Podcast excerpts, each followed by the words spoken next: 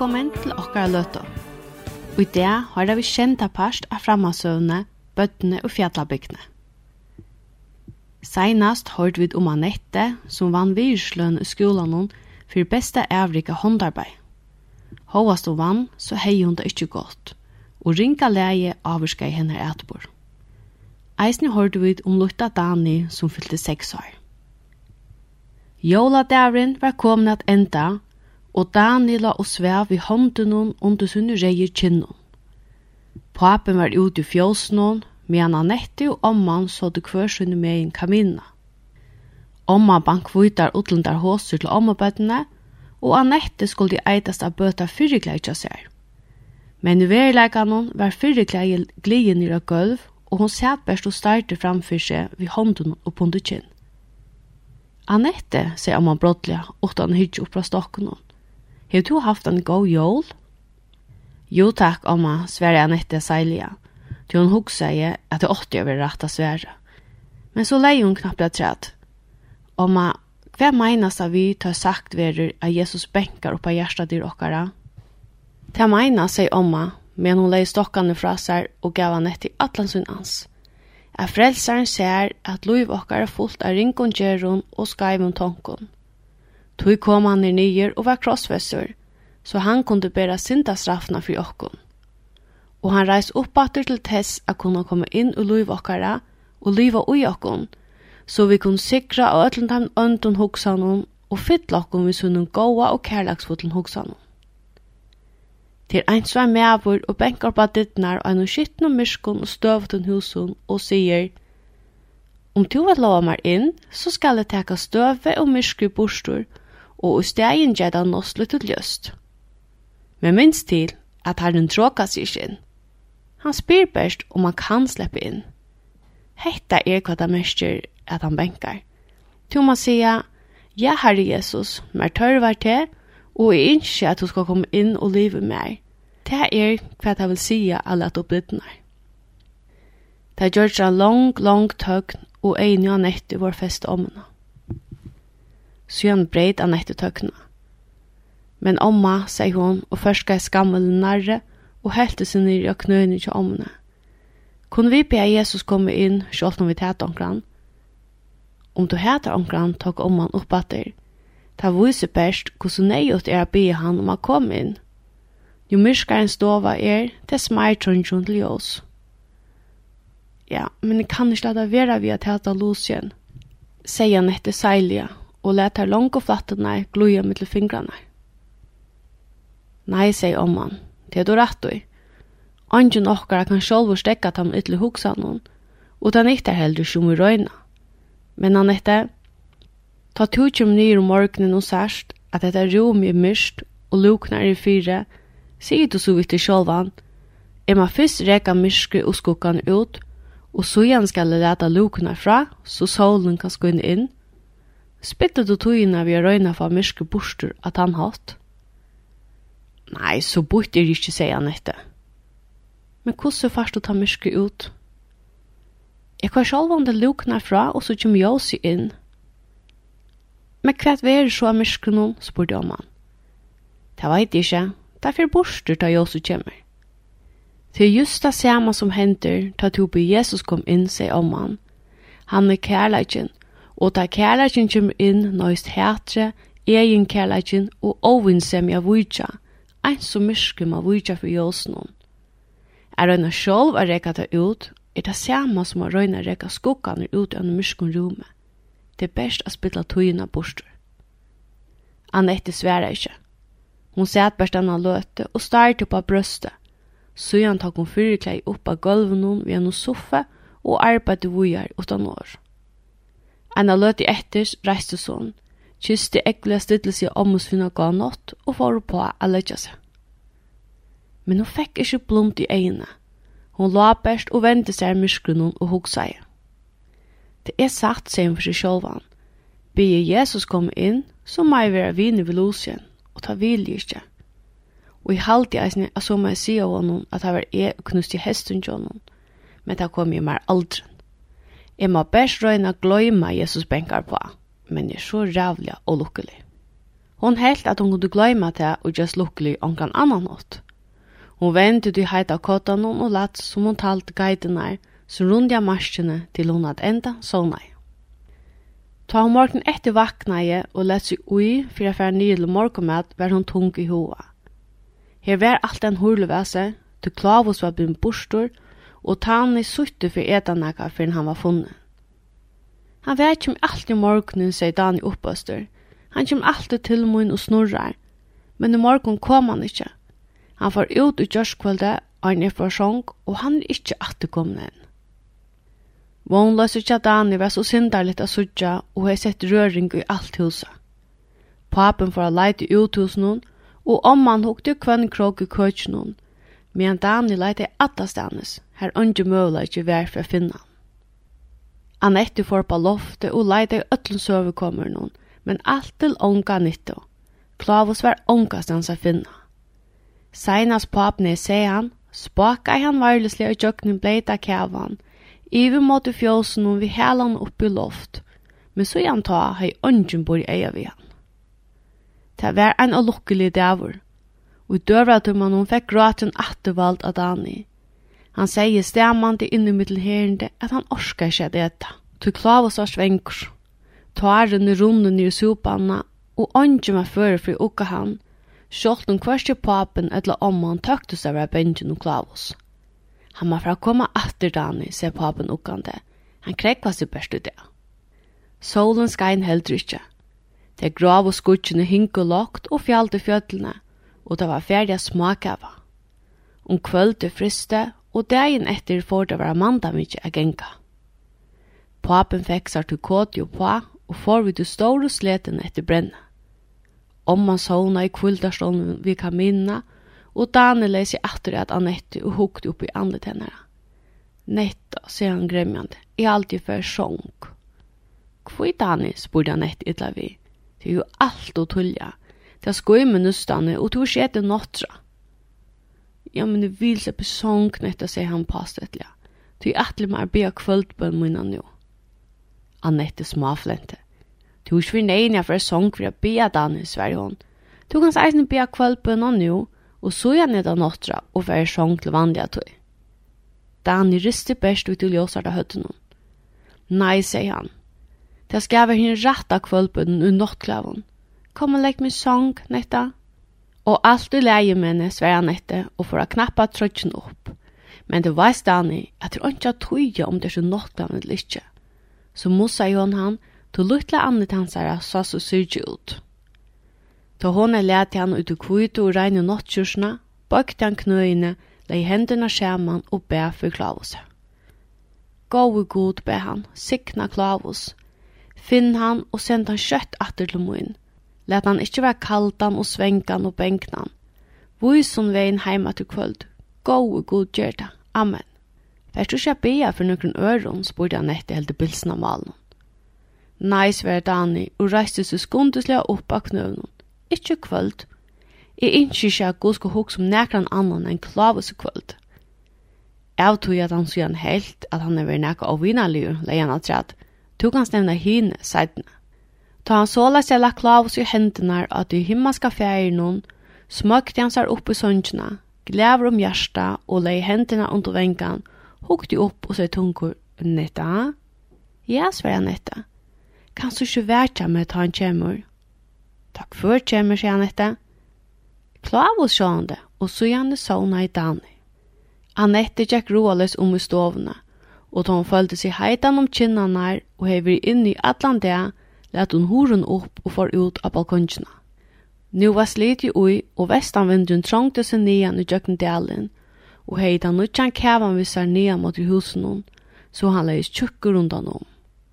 Vindin var ikkje så øyla kaldur, så hon gjør det av å genga seg en tur nian til Åarløgjen. Kanskje hon så møtte Klausa. Hon gikk landje og nådde at enda fram til det luttelig brunna som gikk tvørstur om Åarløgjen. Glesjpøypene hengu nyer under brunne, og eien vera kalla kvir. Bersta luttla tutla nyrre vi hinn luttla kvita steinen sier fra at eien rann. Nu vær stille. Vinteren var lagstur og nu fryste. Hin luttla bryggvin var hal, men Annette, som var lengt bort i tanken gav seg ikke fjær om holkene under du bleita kavan. Fyrre enn hun glei og datt fram etter rommen ved en råpi av pøyne. Eina løter kjentes det, så ville hun svima og spudja pynen i beinen og var littjande eina løter utan av førska seg. Så gjerne røynte hun å reisa seg, men hokna nir at vi han råpe. Hun har kokt foten ytla og fikk ikkje sett han til. Og i nekra minutter kjente hun sitt deia rattan. Hun var einsam mellom fjallasugene og var ikke hoksande av nekra leie leiene og omgjøkken til einslig gøtene i skoven så sent av kvöldet. Det gjørtes kaldare og kaldare, og slapp hun ikkje under teg ångstanes, frist hun og ivar til Olivus. Så han kom hun å hukse om enn en lydel småtta var heldur over i brekkene, beint etter at gøtan snætti vi utgjørn av skoven. En unger skåhaggar bo i her sammen med konusen.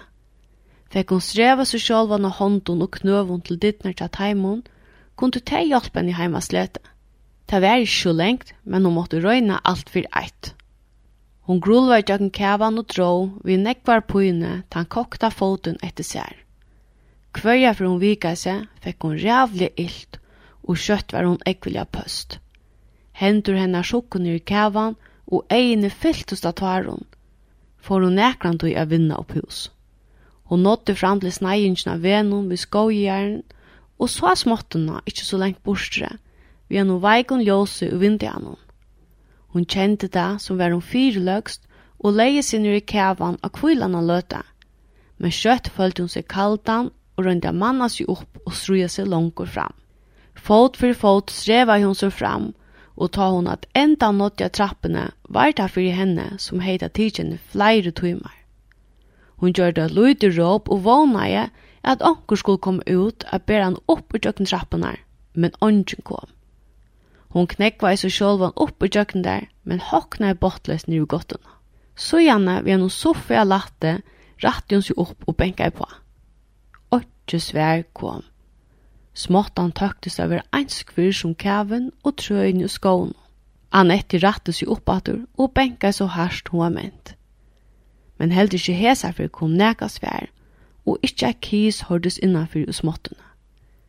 Rastles leon fekk hun reist seg opp på anna beine og benka opp av dittnar, til knikkvannet blødde og røpte så hardt at hun kunne skrykt og lase. Ta så hinn rævlig verleikjen tjekk opp for henne, hokna i hon nyr etter trappene og græt av benjese. Horen var last og småttan var tom. Hi bleika ljósi var best sett her til tess a ria tjóar. Her var alls ongen inne. Eina løtu var hun fra seg sjolvare tog han var vaksen opp i fjöllen og hei ofta hårst om folk som var frist til deia. Men så fikk hun skikva slukk borster og var hoksa kjøtt og vi kyle. Ta at hei hadde lett i et luttla jåse brenna, mun atla kom atter saman kvölde. Men vart er for ovan i delen, kunde drikk tog i genga, og kanska det kom osaint. Hun merste longo gos kulten beit seg inn i fingrarna. Kvult hun seg sinter, for hun kanska var før for å grulva oman atter men nasta småttan var negnirre, og fannene var bleitar og djupar. Og i ødloførum måtte hun bojana løte og sujan røyna. Det var henne eina som møvleitje. Som hun sæt her og bojaje, kom hun hok som jolatalna. Nu visste hun for første fer hvordan det kjentes at benkan og stongt dyr og ikke få svær. Hun er bæst benkan og luttla løte, men her er Jesus helt av at benka år om år. Hun visste at han gjør det. Hon var gjeven av benka til hun visste at åndsje var inne. Men hoksa til om herre og fru Berdos høyde sitte inn i alle tøyene. Hugsa til om tei høyde let henne benka utanfri kuldan hon og høyde hugt på hvort annan og sagt «Onker benkar, men vi leta dem ikkje oppe enn. Vi skulle lata som vi ikke høyra. Vi lata som åtje. Hvordan er å hei hun ikke var vitt hei? Hvordan er hun ikke heta hei for tæra åbluskap?» Tå, det var just så leis hun er gjørst ved Jesus. Men tå heta han han ikkje. Han elskar henne inn. Annars er han skyldig å a benka og yngst og sloppe inn. Det er jo omma sagt. Hon hugsa så nekk om et annet løte, at hon nær hun glemte øttan og einsemme. Men så lytte hun blått til høtten og slåta i, til hun helst i høyra ljå som öll fjallabøtt kjendest vi. Ljå i av skujen som foregjøkning bleita kavan, og og så gjerne ljøve av en drøndjarød som sang. Onkur kom av skujen omerdjøkken skoven, om at løyde bil for det kom hos neigjønnsene og fram i husen. Om fer var nekk, kunne vilja så til at det ikke rakte vi henne. Ein løydel kropp kom til skjøntar, og kom vi uilande fer imot dalen. Råkja lei som kæva stå om han. Annette reiste seg opp av knøyene og røpte til dyrast hun var ment. Hjalp! røpte hon, og helt boa hendene opp til munnen. Stekka og hjelp meg! Skuirennaren gjørte en broa vending, så skuirna snæra så tvørst fyrir, og han snekka igjen. Kvik og løste han der, og rann latt og nyle hennara. Hva bæger han, røpte han, og hvor er det? Hva du skatte? Det var Lucien. Han er vært oppi av fjallen, og vi gamla vimmansøyen, og vær nu heimater av vi. Han var kløkkur av råpi hennara, Og da han nå så hvor det var, som la knæ her om mannaløsen hun, stod han støyver og starte, som jeg sier er spøkelse. Men Annette var så glad i å sitte omkran, at hun leie ikke ui kvør det var. En av løte glemte hun alt annet, utan best det at hun var funnen og bjerga. Hun var så offeren, at Lucien tøkte henne som en angel sendt av himmelen. Og Lucien røpte hun med piprande rødt, er så glad at du komst, Jeg var kakfoten og fars gynnje. Jeg råkna vi at jeg var frista til deg, og er den herre og fru dås kom i atter. Kan du hjelpe meg heim, Lucien? Jeg er så køld. Lucien tog ut av samme tjukka vetrar frakka suen og badla han om henne. Han sett seg nere huka og knudja i køld ur hender henne. Farsi tidsi jo på skuina han sier han blodla. Du er så stor, men jeg kan være ved hus om fem minutter, og så skal jeg komme atter beina vei med de store sletene og en teppe. Jeg skal hjelpe deg, og så kan du være ved hus innan halvan tøyma. Hjertet hans er var snøkla vår så fullt av glede, at han helt at han måtte renna, råpa og synja. Dreymor hansara var nu vår verleidje. Han fikk gjørsneka fri han etter. Henne tørva i hansar hjelp. Og kanskje får hun nu av fyrtjo honom og gløyma til ølige hætre. «Vil du ikke kalte vi ongen frakka, Lucien?» spurte han etter vi en veikar og maktarlesa rødt. Lucien tok eisen skundesle jakkan av. Badla han om høttja henne og yngste at han eisen kunne give henne kyrstena, sjålt man full var vilste at hon ikke var til minst og nytto. Han merste hvordan kulte neit i kroppen og rann om han skuinom med spent og vøttun medan han andet av usakalt luftena inn i lungene Eins så var hetta prusrin han måtte gjalda for ekvar størst misbrott.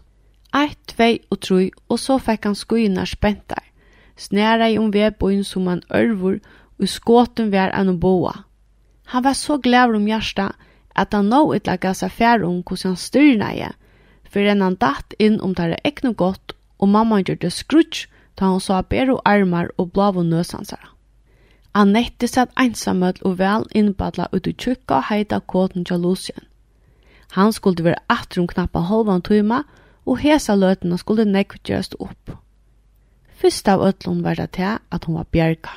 Lucien var kom om å gjøkne skoven, just ut i røtte løtene, og hei horstana røpt. Alla ta tøyina hon ei hilde at hon var einsamöll, hei frelsaren utanfjordna varvait til henne og sendt Lucien til bjergane. Tui næst ein finnst ein oppfyrir hva det var a benko på stongta dyr. Ein var hans heilt grei iver hva for henta ta hon la dittnar opp, men ætt var hon grei iver at du kunde ikke leta frelsan standa utanfor langr. Hon lei høtt jo måtte kjavaklata trappa versen og let ein atr. Herre Jesus, sier hon, nu let jeg dittnar opp. Er så ring om at her stongt stongta så landje, og at hun var nøytra boja så landje. Gå Jesus, kom inn nå. Er så kjett at jeg vil hata Lucian. Hjelp meg av å gå igjen, og om jeg skal se honom til ham hesten, så gjør meg mål til det. Og takk for at du sender Lucian til min. Amen. Så gjerne kom her Jesus, som så langt jeg boja utanfor hjertet til Anette. Kom inn og fyrgav henne alle henne synd. Det var ønsken som sa det underfotla i henne, enda ikke Anette følte seg nekka ørvisa. Men oppe i himmelen var navnet til Annette skriva og lussens bok til Godo. Og englande gleddest til at Anna Badna hjørne har lett opp dittnar og bjør frelsaren inn.